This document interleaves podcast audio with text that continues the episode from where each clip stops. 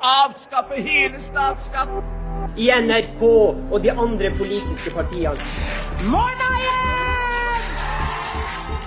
Hvorfor skal jeg det? Skal jeg sitte og høre på sånn surreprat som dette her? Det gjør jeg ikke. Hei sann, oppsann! Velkommen til det jeg tror ender opp med å være den andre episoden av denne runden med FPUs Radio Frihet. I denne podkastserien skal jeg, Simen Velle, snakke med både kjente og ukjente fjes i norsk politikk for å finne forskjeller, likheter og alt det andre man kommer frem til i en god samtale. Det er viktig for meg å si at i denne podkasten skal vi ikke krangle mot hverandre. Vi skal snakke med hverandre. Rett og slett en ting vi politikere er nødt til å bli flinkere til i det 21. århundret. Dagens gjest det er en mann FPU har et veldig godt forhold til. Han er vår helsepolitiske talsperson i stortingsgruppa. Han er eh, vår andre parlamentariske nestleder og FrPs representant i FPUs landsstyre. Jeg kan til og med nevne at han en gang i tiden ledet FPU. Velkommen skal du være, Bård Hoksrud. Tusen takk for det. Takk for at du fikk komme. Ja, Veldig veldig hyggelig at du, at du hadde tid i en, eh, i en hektisk hverdag. Kan ikke du ta og beskrive litt hva du egentlig jobber med?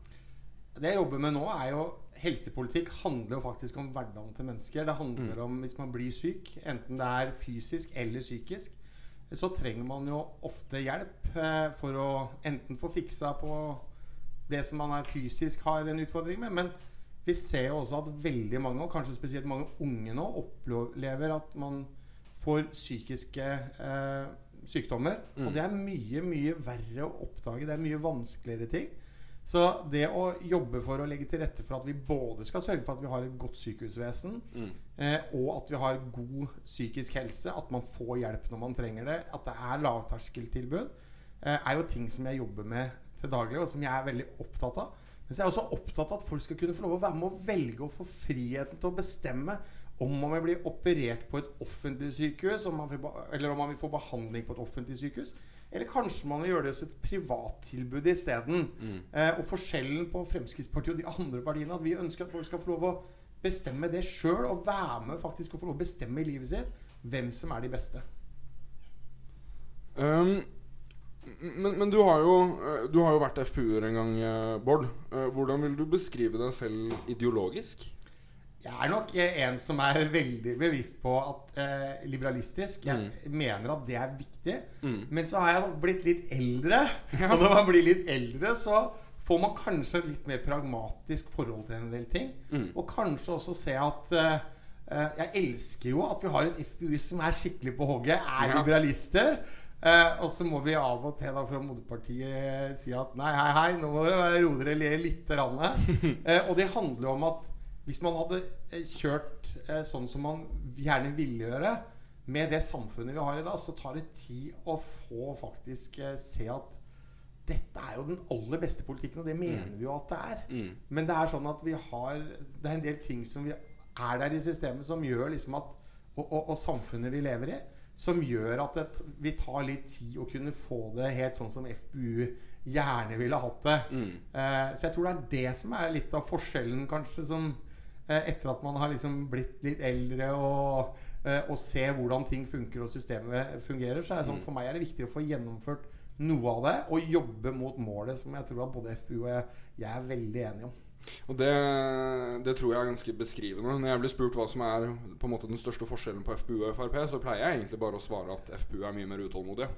Ja, det, og det er jo kjempeviktig. Altså, Vi trenger å ha en et ungdomsparti som hele tida er på alerten, hele tida passer litt på moderpartiet, så ikke vil liksom dra oss for mye vekk ifra det som er det, det at vi er et liberalistisk eller, ja, liberalistisk parti, men eh, vi har liksom den måten partiet jobber på, hvordan vi tror vi skal klare å få gjennomført ting og sørge for at det blir bedre. Altså Fjerne reguleringer, gjøre det enklere for folk, la folk få bestemme mer sjæl. Det er jo det som er sant, utgangspunktet vårt. Og mindre stat. Mer personlig frihet og få lov å være med å bestemme. Men, eh, og da er, men da er det viktig at FPU er der. Er de tøffe som av og til blir litt sure på oss, eh, kjefter litt på oss. Ja, vi gjør det. Eh, og så hender det at vi da kjefter litt tilbake. Vi, vi gjør det. og, og sånn skal det være. Og det er, det, er så, det, er, det er så viktig. Og derfor er jeg så glad i FPU. Eh, men du, du ledet FPU på, på starten av 2000-tallet, det stemmer? Det stemmer fra 99. 98-99, vel, til Til null- 2002. Ja, Ja. 02, ja. Hva, altså, det, er- det er jo en kjensgjerning at vi Det hender vi diskuterer politiske saker, og, og nå er jo kanskje ruspolitikken det beste eksempelet på, på et sted hvor Frp og FpU skilles litt, og, og, og vekter forskjellige prinsipper forskjellig. Hva var de store kampsakene mellom Moderpartiet og FpU da du ledet FpU? Jeg tror nok det er mye av de samme debattene som er der nå i dag. Litt mer den der, ikke sant? Man ønsker å gå lenger, man ønsker å gi enda mer frihet. Mindre regulering. Eh, og ja, så, så, så det er liksom mange av de samme debattene. Ruspolitikk og var definitivt en sak så det var mye diskusjon mellom Moderpartiet og FpU den gangen også. Og, og så mener jo jeg selvfølgelig mye om at uh, FpU jeg, jeg, altså jeg tror ikke at vi egentlig er så veldig uenige. Eh, men vi er litt sånn Vi legger til grunn litt forskjellig i forhold til Og, og for hvert fall for Moderpartiet så er jo dette her å hindre unge i å bli rekruttert inn. Men vi har jo faktisk sittet i regjering eh, og sørga for at man kan bli dømt til behandling istedenfor straff, f.eks. Mm. Som er noe av det debatten går på. Men jeg syns jo kanskje ikke Eller vi syns jo ikke at det er greit at f.eks. du skal kunne ha fem brukerdoser eh, når du går på gata. og Du skal ikke få straff for det, og du skal inn og prate med noen. Altså Vi klarer jo ikke å behandle de som ønsker hjelp i dag, som er rusmisbrukere, og som sliter skikkelig og har et helt forferdelig liv. Ønsker å få hjelp, ønsker å få behandling. Og så klarer man ikke å gjøre og gi det til de, da. Men vi skal altså opprette et nytt sted, fordi at nå skal man bare prate med hverandre og sitte på et kontor. Eh, og det mener jeg det er egentlig misbruk av ressursene. Jeg tror det er mye bedre å bruke de ressursene på faktisk å hjelpe mennesker som har havna ut eh, i et rusproblem, og som trenger hjelp. da Nå gikk vi jo lett rett inn i Nei, jeg, jeg, jeg, jeg, passer meg veldig for å ikke stille for mange krasse spørsmål tilbake. Men, men du, skal få, du skal få ett av meg. Du, du nevner dette med fornuftig ressursbruk. Og det er jo en ting som er veldig viktig for vår organisasjon. Nettopp det at pengene våre og ressursene våre forvaltes mest mulig effektivt. Mener du det er effektiv ressursbruk hos politiet å jakte folk med litt cannabis eller litt heroin i lomma? Jeg oppfatter jo ikke at det nødvendigvis er det man er mest opptatt av. Det er veldig få som sitter i fengsel i dag fordi de har eh, av et Brukt. rusmisbruk. Altså man har brukt rusmidler som er ulovlig. Det er jo alt det andre det fører med seg, som gjør at man ofte blir putta i fengsel. Eh, fordi man har gjort noe, en del andre ting. Og jeg tror det er en forventning fra samfunnet at det faktisk skal reageres, og det skal straffes. Eh, eh, hvis man eh, f.eks. gjør innbrudd eller stjeler osv., så, videre, så tror jeg de fleste liksom forventer at det må komme en reaksjon. Det som er bekymringa til Fremskrittspartiet om, om min bekymring, er jo at hvis man tar bort muligheten til å kunne gjøre noe for unge mennesker som er på vei inn til å begynne med rus, det er da noe av dilemmaene oppstår. Og så vet jeg at her er FU uenig med oss. Men jeg syns det, det er bra, da, for det er jo ikke tvil om at vi trenger å bli utfordra, og så utfordrer vi litt tilbake. Eh, og det tror jeg er viktig at eh, man har et ungdomsparti som tar de debattene, utfordrer. Eh, og så blir det sånn at moderpartiet fatter noen beslutninger som FUI ikke alltid er like glad i. På samme måte som vi heller ikke alltid er like glad når FU fatter vedtak på landsmøter eller landsstyret i FU. Nei, Jeg er kjent med, kjent med den runddansen der. Vi, det hender jeg blir litt streng med dere, og det hender dere blir litt streng med også. Men det, det er jo en del, av, en del av leken, holdt jeg på å si. Eh, Vi skal bevege oss litt, litt vekk fra, fra ruspolitikk. Men hva var det som i sin tid gjorde at du meldte deg inn i FPU? Det var fordi at jeg liker ikke sånne reguleringspolitikere som, og folk som mener at de som, som sosialistene, som mener at det er de som vet best hva pengene dine skal brukes på. eh, at de skal styre livet ditt, at du ikke skal få lov å være med å bestemme sjæl. Liksom, ikke kan du få lov å gå på den skolen fordi at du skal i hvert fall ikke ha fritt valg til å bestemme hvilken skole du sjøl skal gå på osv. Mm. Eh, og så var det nok også litt eh, Ja, så begynte å jobbe. Begynte å tjene penger. Ja. Så begynte jeg å betale skatt Ja, ganske sant, tidlig. Mm. Så lurte jeg på hva de skattepengene mine gikk til. da Jeg var vel kanskje ikke helt enig i en del av de, penge, de tinga de brukte de penga på. Mm. Selv om det var ikke akkurat de pengene. Men liksom, altså, det var noe med at når man betaler skatt, så ønsker jo jeg i hvert fall at vi skal betale mindre skatt. Og så skal vi kunne få bruke pengene våre på det vi sjøl ønsker å bruke pengene på. Mm. Eh, så det var nok mye av det som gjorde at jeg eh, endte i FPU. Og det var der det var naturlig. Og selvfølgelig også litt fordi at vi var jo litt sånn annerledes enn alle de andre. Vi fikk Altså det er jo sånn at når vi var på 1. mai, så blei vi jo kasta egg på altså vi, vi var jo litt sånn hata. Det var naboer som ikke hilste på meg når de fant ut at jeg var med i FPU, at jeg kom i kommunestyret. Så var det liksom sånn Det var litt andre tider eh, den gangen. Og Kanskje jeg likte litt sånn der Jeg liker ikke folk som står og sier at 'jeg skal bestemme over deg'. Det er Mm. liksom da systemet som behandler enkeltmennesker urettferdig og dårlig og sånt. Og masse sånne reguleringer som jeg tror de fleste syns er ganske håpløse. Men, Ja. men det er dessverre altfor mange politikere som syns at hver gang det er noe de ikke liker, noe de ikke klarer å løse, ja, da må vi finne en eller annen måte å gjøre det vanskelig for folk. Mm. Ref. elsparkesykkel og ja, du, ikke sant? Altså, Lakrispiper som vi får mye kritikk for, men det handler jo ikke om lakrispiper eller elsparkesykkel eller den typen. Men tenk at noen har faktisk brukt masse ressurser på å forby alt dette her. Mm. Tenk hvis man isteden hadde vært mer opptatt av å få folk til å ta gode valg. For det er jo sånn at vi er for frihet. Mm. Og med frihet så følger det også et ansvar, så du må ta ansvaret også. Men apropos dette, dette ansvaret. eh, det bringer meg over det, litt på det vi, vi avtalte å snakke om. Nemlig eh, litt hvordan Norge da skal se ut i et litt lengre perspektiv. Eh, og for, for noen dager siden så kom regjeringens forslag til statsbudsjett for 2023. Eh, og nok en gang så leverer regjeringen et foreslått statsbudsjett på over 1700 milliarder kroner. Syns du det er for mye? Ja, jeg mener at det kunne vært gjort mange omprioriteringer i det statsbudsjettet som vi også selvfølgelig Når vi kommer til å legge fram vårt alternative statsbudsjett, så Mm. kommer vi til å omprioritere bruken bruken av penger. Mm. Vi kommer helt sikkert til å se på veldig mye av det pengene går til, som burde vært brukt på en annen måte. Mm. Utgangspunktet vårt er jo at vi faktisk skal sørge for å gjøre det enklest mulig. Vi skal ha et næringsliv som faktisk kan blomstre Mm. og skape verdier.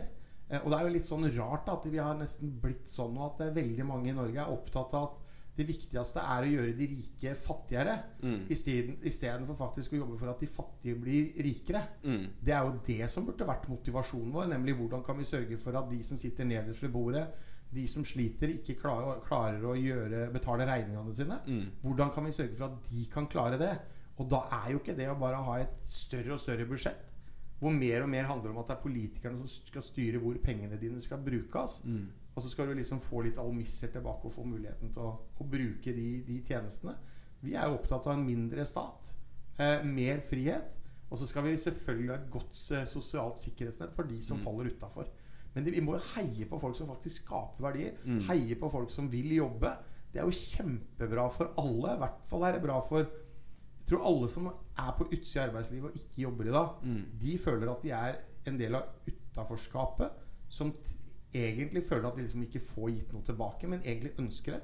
Men de Mm. kommer altså, får ikke den muligheten. Det er jo fordi at vi nå har politikere og øh, byråkrater som egentlig prøver å gjøre mest mulig vanskelig å drive bedrift i dette landet her. Ja. Eh, ref, altså sånn Noen er veldig glad for at Kjell Inge Røkke reiser og bare ønsker en god tur. Men han tar jo med seg en 365-70 millioner eller noe sånt ut av Norge, da. Jeg kommer jo fra, fra samme kommune som Kjell Inge Røkke bodde i Ja. før han flytta, fra Asker. Ja. Og i, i kommunebudsjettet der så må du finne 130 millioner kroner i kommunal formuesskatt. Ikke sant? Og det, og det ingen prater om, er jo at han har mange tusen ansatte som skaper verdi hver eneste dag, som får lønn hver eneste dag. Mm. Og dette handler om at han, fordi han er norsk, fordi han bor i Norge, eller bodde i Norge, så må man også betale en formuesskatt som ingen andre bedrifter betaler. Coca-Cola betaler ikke eh, f- formuesskatt i Norge. Men Kjell Inge Røkke skal gjøre det fordi han er norsk, og fordi han bor i dette landet her. Mm. Det er jo helt håpløst. Og sånn mener sosialistene at vi skal, vi skal straffe de som er norske eiere, de skal vi straffe enda hardere Mm. med enda mer formuesskatt. Det er i hvert fall ikke med på å motivere til å få folk i jobb og ha flere i jobb. Mm. eh, og skape nye arbeidsplasser. Eh, og da blir det budsjett, statsbudsjettet mye større i framtida. Mm. Eh, men spørsmålet er om vi må låne pengene fordi vi må låne fra noen andre for å finansiere mange av de tingene vi er opptatt av. Som jeg vet jo at FPU gjerne vil gå enda litt mer drastisk til verk og kutte enda mer enn det, enn det Moderpartiet vil. Mm. Men, men det tror jeg er en, en uh, Egentlig ikke nødvendigvis en FPU-ting, men en ungdomsting. Alle ungdomspartiene har vært ganske kritiske til pengebruken i, i det statsbudsjettet som ble lagt fram. Og det, det bringer meg jo til, til det at vi, vi satt jo med, med finansministeren i, i seks hele statsbudsjett. Vi hadde jo Siv Jensen, vår kjære fanebærer, som, som finansminister. Eh, og jeg tror eh, det er mange FPU-ere som, som lurer litt på hvorfor Hvorfor este staten ut selv når vi satt med finansministeren? Altså, Jeg er jo helt enig med resonnementet ditt om at staten må bli mindre. Egentlig både på kort og på lang sikt. Det er ganske åpenbart. Men når ikke engang vi klarer det i regjering, da, er det mulig? Er det gjennomførbart? Ja, jeg mener at vi faktisk gjorde ganske mange grep for å redusere. Og så er det jo sånn at hvis vi skal styrke politiet, Mm. ja, så er det offentlig ansatte. Mm. Eh, hvis man eh, bygger ut eh, tjenestetilbud innenfor helsevesenet f.eks., så er jo det vært stort sett offentlig ansatte. Men vi åpner jo mye mer for at private skulle få lov å slippe til. Fritt behandlingsvalg osv. Mm. Eh, og det er jo nettopp fordi det vi vil motivere til hvordan kan man få mer for pengene. Mm. Og jeg mener at der er det masse å hente. Men vi, vi gjorde en del sånne grep når vi satt i regjering med Siv Jensen som finansminister. Eh, og så er det sånn at vi måtte også samarbeide med noen andre partier som ikke er mye opptatt av å se hvordan kan man effektivisere, hvordan kan man gjøre ting enklere. Vi kunne f.eks. Skatteetaten var jo mye diskusjoner om man skulle eh, se på om man kunne redusere. Eller kunne spart over en halv milliard kroner. Mm. Men det ble ramaskrik eh, i det øyeblikket man foreslo det. For det betyr at man ville måtte ta bort noen stillinger Ja. fra en del kommuner og sentralisere de. Og det er klart at det har ikke vært populært. Eh, så det er det, det er veldig lett å si at man vil effektivisere, man vil forenkle, man vil redusere. Mm. Eh, men man er avhengig av flere partier med. Eh, og da blir det fort en debatt om at det kan vi ikke gjøre fordi det betyr noe i min kommune eller din kommune. Eller den type ting. Og det er jo litt av det. Altså, på samme måte, ikke sant? Altså, hvorfor skal vi ha en fylkeskommune? Nei, Det det spør jeg meg sjøl om òg. Ja. Eh, og nå eh, er det altså sånn at nå har det vært fram og tilbake. Nå har man liksom eh, foreslått å kutte, og så har man foreslått å øke igjen nå. Mm. For Fremskrittspartiet så er det jo sånn at dette kunne man bare fjerna. Det er litt samme som på helsevesenet. Vi har altså nå regionale helseforetak Mm. som er blitt noen administrative store mastodonter Mm. som egentlig gjør mye av den samme jobben som det man gjør på de lokale sykehusene. Ikke Ja. sikkert hadde behøvd å ha det eh, enorme byråkratiet der. Nei. Men vi er nok ganske aleine i den kampen, dessverre. Det er, jeg tror det er Frp og FpU som er våpendragerne i å prøve å gjøre noe der. Men det er jo her vi gjerne skulle gjort enda mer. Så om jeg tolker deg riktig, så er svaret ditt på hvorfor vi ikke har fått gjort mer, at ikke nok mennesker stemmer på oss. Ja, absolutt. Det handler om at vi må bli størst mulig og sterkest mulig.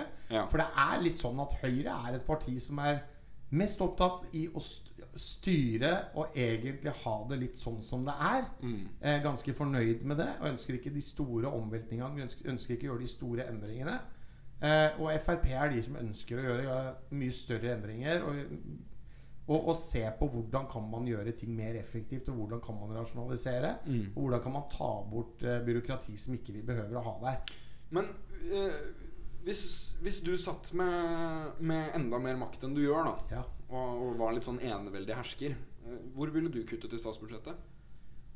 Nei, jeg mener jo selvfølgelig Vi kutter jo på bistand. Vi kan kutte mer på kultur. Det er jeg helt overbevist om. Mm. Vi kunne redusert budsjettet. Og det handler ikke bare om hvor skal du kutte, men det handler faktisk om hvordan bruker vi pengene våre. Mm. Eh, og da må man se statsbudsjettet i, i ett. Mm. Og det er altså sånn at Hvis vi hadde brukt privat ledig kapasitet for å operere personer som er syke, Mm. sånn at de blir friske, sånn at de kan komme tilbake i jobb Hvis man kan gjøre det raskere, så sparer man jo masse på sykepenger. Mm. Men i Norge så er det sånn at sykepenger eller arbeidsledighetspenger Det er ett budsjett, mens helsetjenesten er et annet budsjett. Så Ja, ser det- man ikke dette sammen. For det, det har jeg bitt meg litt merke i at eh, Jeg mener jo at ganske store deler av folketrygden, altså det som ikke har med alderspensjon å gjøre, i utgangspunktet handler om helse. Ja.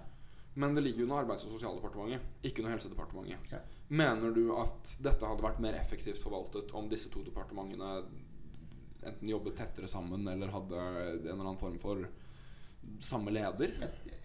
Det er ikke tvil om at Så er jeg jo ikke sikker på om at det å bare gjøre større og slå alt sammen, at det nødvendigvis eh, vil, vil ha den effekten. Mm. Men det at man har en bevissthet rundt at faktisk det å operere flere, bruke private til å gjøre det altså en privat syke, sykehustjeneste koster et, sannsynligvis altså stort sett et sted mellom 30 og 40% mindre Mm.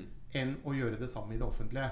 Så det er noen grunner til det, og sånn, så det er, som alle motstandere vil prøve å, å komme med. Mm. Men det er billigere. Mm. Og Det betyr jo egentlig at for de samme penga så kunne man, der vi i dag opererer 100 personer, Mm. så kunne vi operert 130-140 personer. Mm. Hvis man hadde tatt i bruk den ledige private kapasiteten. Ja. Men det vil man ikke. Og så hvis man da tenker på at kanskje den, de, den 30% da Tenk hvis, du, hvis det er mennesker som egentlig kunne vært i jobb. Og ofte så kan jo operasjon koste mindre enn Enn noen måneder med trygd. enn hvert fall kanskje en måned med sykepenger. Ja. Og så kan det hende at du må sitte et halvt år og vente for å få den operasjonen. Da betaler vi fem måneder et menneske for at det skal gå hjemme, som egentlig kunne vært produktiv fem måneder før. Mm. Hvis de bare hadde fått en operasjon. Det er jo helt tullete. Og så er det viktig å legge til at den kapasiteten fins jo. Det er jo tomme Ja. operasjonssaler i Norge som ikke blir brukt. Ja, det verste er jo til og med nå henter vi pasienter fra Sverige. Värmland i Sverige har Mm. Aleris inngått avtale med.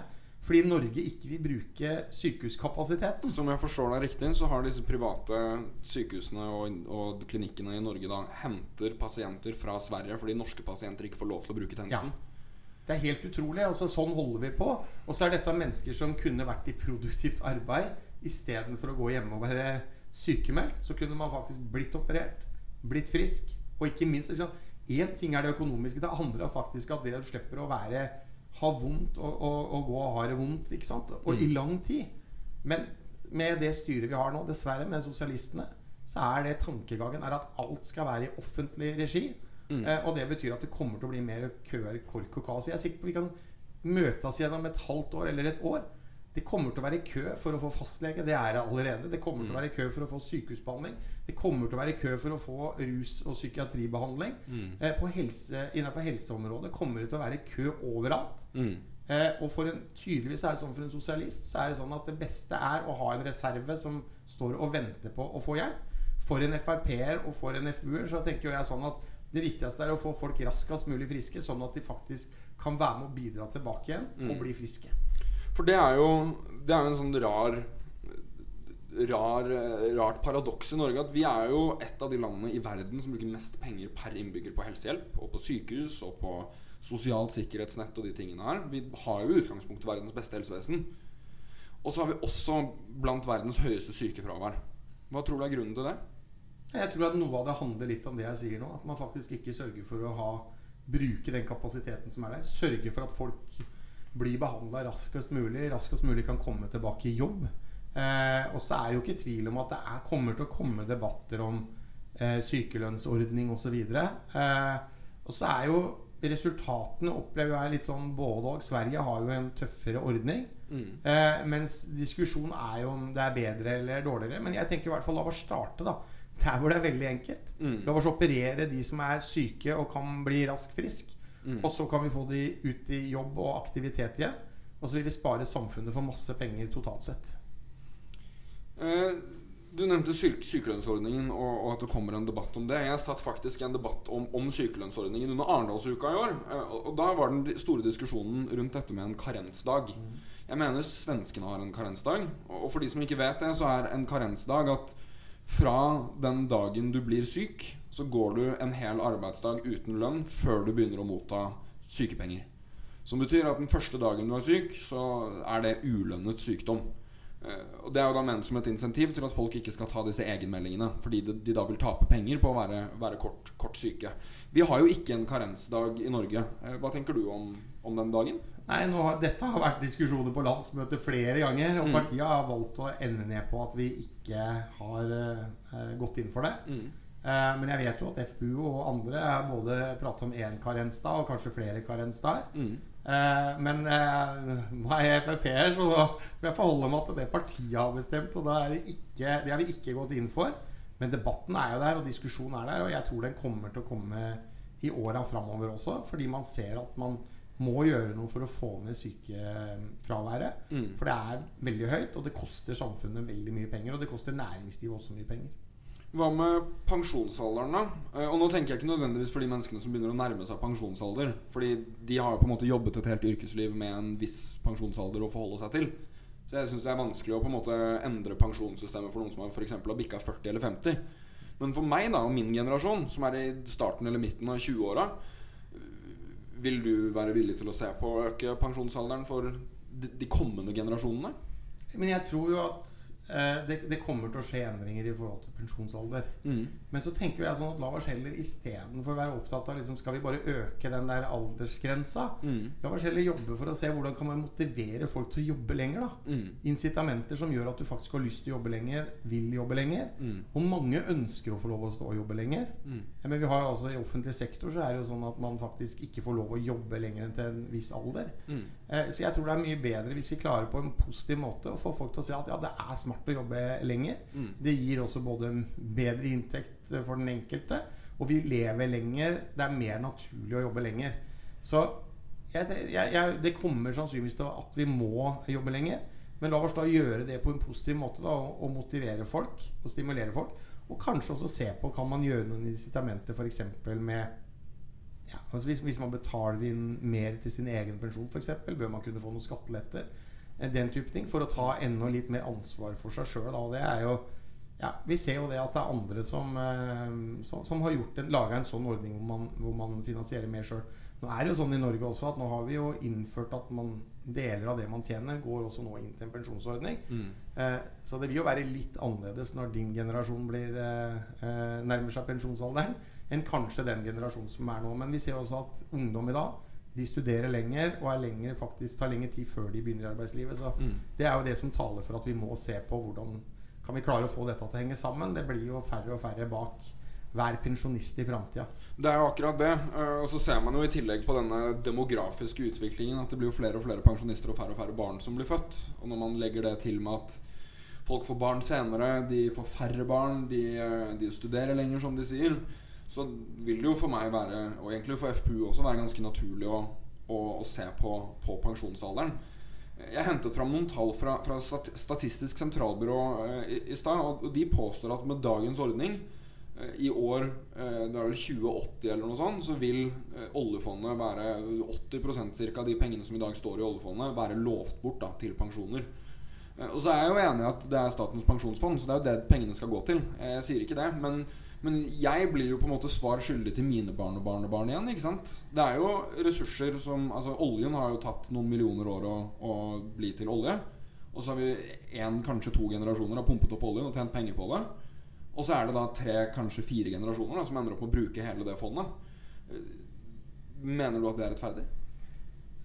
Nå er nok, jeg, jeg mener jo at det, deler av den, altså de generasjonen som har vært med å bygge opp dette oljefondet også, Mm. bør jo selvfølgelig ha noe glede av det oljefondet som man faktisk har sørga for å bygge opp. Men så tenker jeg sånn at jeg, man må ikke være, gå helt i fella at liksom bare se alt sånn framover. Mm. Man må jo faktisk ha litt, og jeg har i hvert fall tro på da, at vi har masse kloke huer som klarer til å skape ting med store verdier framover. Mm. Eh, sånn at vi må jo håpe og tro da at vi kommer til å liksom fortsette å ha velstand og, og ha trua på framtidstrua. Mm. Eh, så jeg vet jo det er rapporter som har sagt liksom det motsatte. At det er ikke Man må ikke lage sånn motsetningsforhold her. Selv om det blir færre bak hver, så kan det hende at produktiviteten også blir mye mye bedre i, i framtida. Mm. Fordi man Altså, man ser jo det i olje nå, hva hver, hver eh, hva skal jeg si, Hvert tonn olje som blir tatt av, hva det, hva, hva det genererer per person. Mm. Så det er jo noe med Klarer vi å skape eh, gode, gode, gode, gode næringer som, som genererer mye inntekter, Mm. så kan det jo være at man faktisk kan leve med det. Men så sier jeg at eh, la oss også ha som en motivasjon at de som er eldre, nærmer seg pensjonsalder, kanskje også vil stå lenger i arbeidslivet fordi de ser at det er en verdi å gjøre det. Mm. Og man ser at det vil bli mindre fra staten.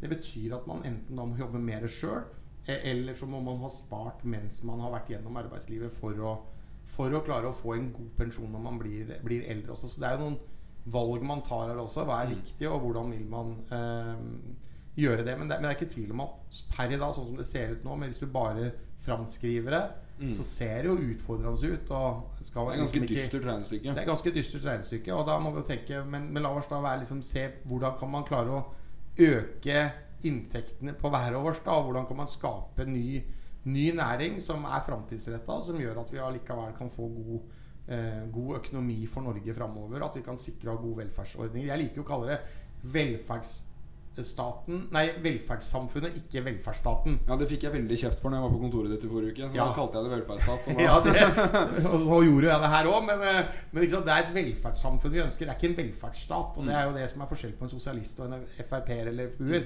Vi er opptatt av samfunnet vårt, ikke, ikke staten. Mm.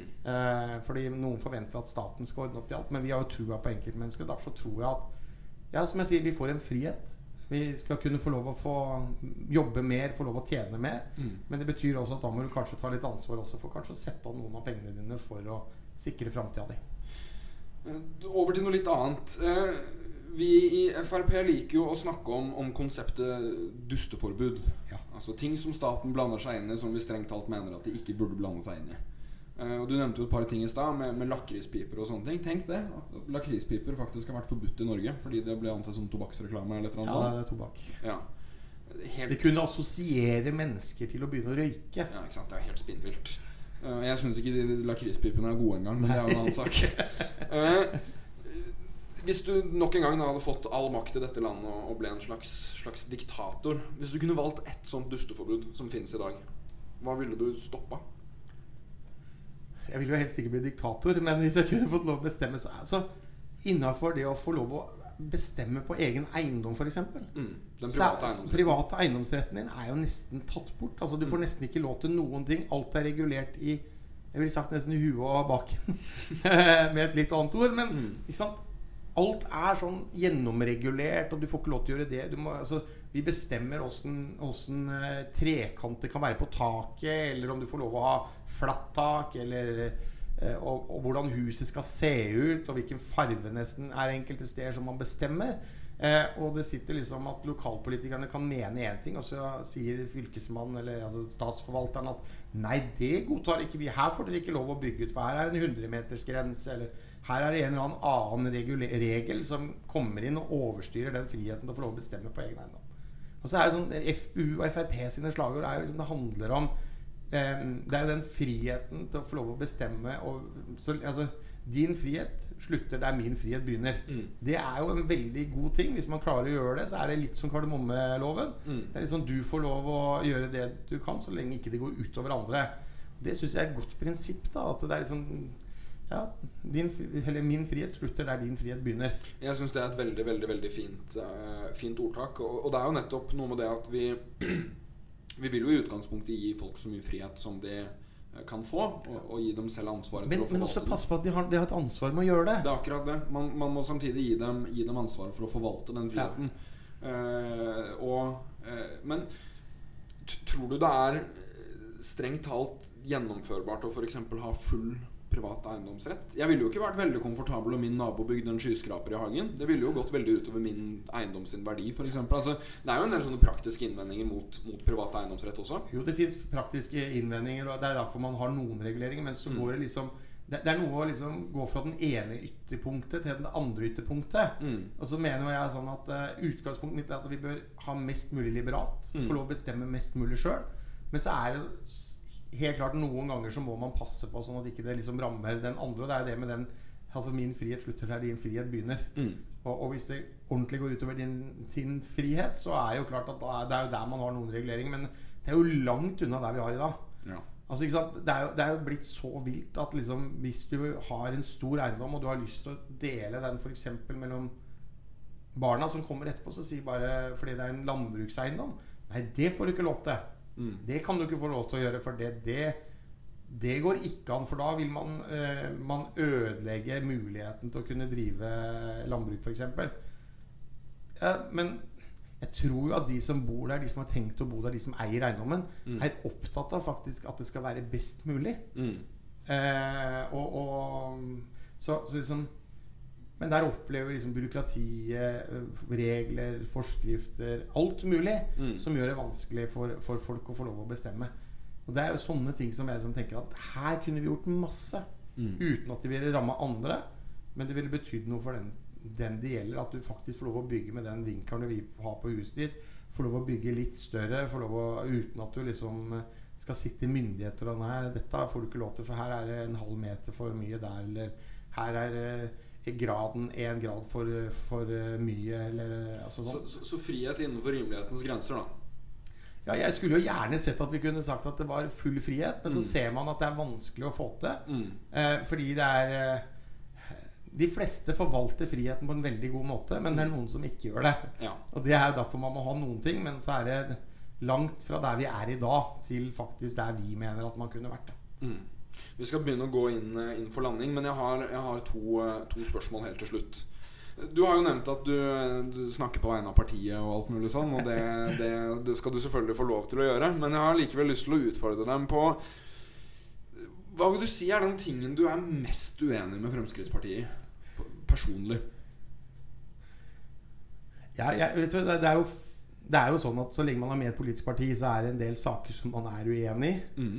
Eh, men det aller meste er jeg enig i. Og så er det jo sånn at jeg skal forsvare alt partiet mener.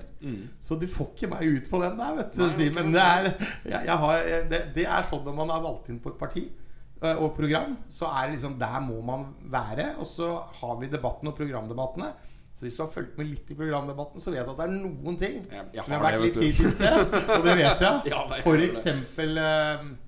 For det. er jo ikke tvil om at datalagringsdirektivet har jeg vært veldig kritisk til. Mm. Uh, men uh, nå sa jeg jo noe jeg ikke hadde tenkt å gjøre, da. Men jeg tenker jo liksom det er ikke noe farlig, for der har jeg vært og vært tydelig. Jeg tapte den kampen på landsmøtet sammen med FPU, dessverre. Mm. Ja. Som skulle vinne. Eh, men eh, så, så det er noen sånne type ting. Men, men det er når vi har eh, landsmøtedebattene og diskuterer programmet. Mm. Da tar vi de fightene, og så etterpå så må man fronte det som partiet har bestemt. Sånn er det å sitte på Stortinget. Selvfølgelig. Og sånn er det å lede FPO, Bård. Det skal jeg love deg. Jeg Jeg også, jeg også har mitt partiprogram. Uh, men hvor, hvor lenge er det du har sittet på, på Stortinget, Bård? Nå har jeg sittet i 17 år på Stortinget. Har du sittet i helsekomiteen hele veien? Nei, jeg har eh, mest jobba med transport. Mm. De første åtte åra i Stortinget satt jeg i transportkomiteen. Mm. Så var jeg statssekretær for Ketil i Samferdselsdepartementet i nesten to år. Mm. Og så var jeg i helsekomiteen et par år. Mm. Eh, Og så ble jeg jo tilbake til transport. Mm. Og så havna jeg i, eh, som landbruks- og matminister. Mm. Og så var det tilbake til finans. Og så var det tilbake til transport. Og så var det til helse nå etter valget sist. Så det har vært litt forskjellig på de 17 åra. Jeg husker jo det, Nå blir det en liten digresjon, men jeg husker så godt Jeg møtte deg når du hadde vært Jeg mener du hadde vært landbruks- og matminister i to uker, tre uker, oppe på Fårefestivalen på Gol. Stemmer. Og så, så sitter du i et sånt panel da, med en del sånne sauebønder. Og de stiller deg de mest komplekse, intrikate spørsmålene jeg har hørt i hele mitt liv. Om sånn høyde på gjerdet og avstand mellom stendere i noe Så det var sånn spinnville spørsmål. Eh, men, men, men du skal ha det at du svarte relativt godt for deg, altså. Selv om jeg la veldig godt merke til at du egentlig ikke hadde peiling på det du snakka om. Men du, du sa det jo selv også, at du, du måtte nesten få lov til å lese introduksjonen før du tok fatt på oppgavene. Men det jo Det, det sier jo litt Altså, hvor, hvor kort tid tar det fra du blir minister til du begynner å jobbe? Nei, det er med en gang. Det er rett inn, rett på jobb. Og, og, og det er jo rart å plutselig sitte der, og så kommer det folk fra embetsverket, departementet. Mm. Kommer bare inn med og holder kanskje fem minutters innlegg om en sak. Og så spør hva mener statsråden om dette? Mm. Og så skal du ta beslutning, og så er det sånn det blir. Og det er norsk politikk. Det er norsk politikk, ja. Ja. Og det er jo fantastisk morsomt. Og så Ja. tror, men så tror jeg altså liksom Siden det er mange FBU-ere som hører på her, da Mm. så tror jeg det er én ting som man liksom skal ta lærdom av. Det er, det er når du sier at jeg var på den uh, greia og prøvde å svare etter beste evne. Mm. Uh, og jeg hadde ikke jobba med landbrukspolitikk noe særlig før det. Mm. Det hadde vært mye med, med landbruksorganisasjonen i Telemark og Bamble og sånn. Mm. Men jeg hadde ikke jobba mye med det. Men jeg tror det er viktig for politikere å være ærlige på at dette er ikke sikkert jeg kan hjelpe deg. Dette er ikke sikkert jeg kan svare på. Og da er det bedre å si det at dette har jeg ikke så god greie på, Mm. enn å prøve å ta en spansken. For det i hvert fall når du sitter med folk som kan dette til fingerspissene, så blir du tatt. Og det er ikke bra. Så det er også en sånn greie, tenker jeg, jeg får muligheten til å prate til mange FPU-ere. Mm. Vær ærlige eh, og lytt, og eh, si av og til at 'dette kan jeg faktisk ikke svare deg på', men Mm. jeg skal sjekke opp. Og det er, tror jeg du får mye mer respekt for. Ja, det er veldig tillitsvekkende. Ja. Eh, sant? Du har jo jobbet eh, både litt her og litt der på, på Stortinget, og, og, og jeg vil jo tørre å påstå at etter, etter 17 år i nasjonalforsamlingen, så, så har du ganske grei kål på hva, hva liksom Stortinget handler om. Hva, hva er din favorittoppgave på jobb? Hva er den tingen du gleder deg mest til å gjøre? Annet enn gruppemøte med meg, selvfølgelig. Ja, selvfølgelig, Simen. Bortsett fra Nei, men, men liksom, det å få være stortingsrepresentant Det å få prate med velgere, prate med våre folk, er jo noe av det jeg er mest glad i. Jeg liker å reise og treffe mennesker. Prøve å hjelpe mennesker i hverdagen deres. Og det er jo noe av det man får gjøre veldig mye som stortingsrepresentant. Mm. Så det er kanskje det aller mest morsomme med jobben. Og så er det jo gøy å være i salen, debattere og diskutere. Mm. Men ofte da er jo litt for mye liksom lagt på forhånd, og rammene er litt sånn der rigide. Mm. Så det beste er, er, mener jeg er å være en representant for folket. Være en ombudsmann som tar tak i ting, løfter saker opp i Stortinget og opp mot regjering. Mm. For å prøve å hjelpe mennesker. Og det er de gangene vi lykkes med det. Som all slitet, alt det som er kjedelig, det er bare glemt når man virkelig får til ting som betyr noe for folk. Mm. Hva Nå kommer jeg på et siste spørsmål. Jeg skal ta et siste spørsmål. Hva, hva vil du si er den tingen du er mest stolt av å ha fått til som politiker? Oi. Det, jeg tror kanskje Altså, det er vanskelig, for jeg mener at Og, og vi fikk til vanvittig mye i Samferdselsdepartementet. Og Mm. vi rydda opp i sånne masse enkeltsaker som betydde noe for mennesker. Mm. Men det var nok kanskje sånn Den saken som virkelig liksom var ordentlig inn i hjertet, var den de to søskna som, eh, som mista mammaen og pappaen sin når de var veldig små. Mm. Bodde med bestemora si, og de ble voksne. Eh, og ønska å dele gården sin. Og alle sa nei hele veien. Heldigvis hadde Fremskrittspartiet eh, landbruks- og matministeren den gangen med Jon Georg. Mm. Jeg ringte til Jon Georg og spurte kan vi klare å finne en løsning på dette her. Eh, de måtte gå hele runden. Det var fylkes, eller da Statsforvalteren, Landbruksavdelingen, det var Landbruksdepartementet, landbruks, nei, Landbruksdirektoratet og opp til Landbruksdepartementet. Og vanligvis tar man ikke tak i sånne saker. Så sier jeg til Jon Georg at dette må vi prøve å fikse. Mm. Og han fiksa det. Og jeg fikk lov å reise hjem til de. Jeg sa bare at jeg skulle kjøre forbi, så jeg lurte på om jeg kunne stikke innom og hilse på.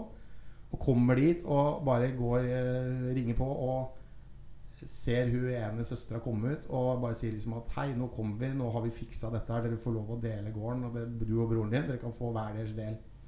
Og bare se den fantastiske gleden, tårene. Det var liksom Det var et sånn fantastisk øyeblikk. Og jeg har hatt flere sånne saker, men det var liksom veldig spesielt. Fordi Mm. da, da skjønner man hvorfor man driver med politikk, hvorfor man er i Frp. Dette hadde aldri gått uansett hva det andre partiet hadde hett som hadde sittet der og hatt den jobben, fordi de andre vil ikke løse sånne typer problemer. Mm.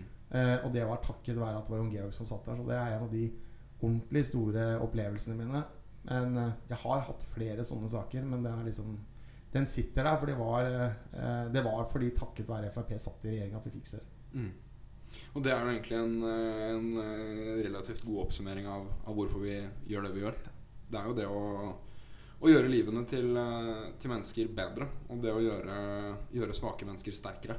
Det er, jo, det er jo essensen av det vi driver med. Eh, Tusen, tusen takk for at du tok deg tid til å, til å prate litt med FPU-Born. Eh, dere har hørt på Radio Frihet, og jeg heter Simen Belle.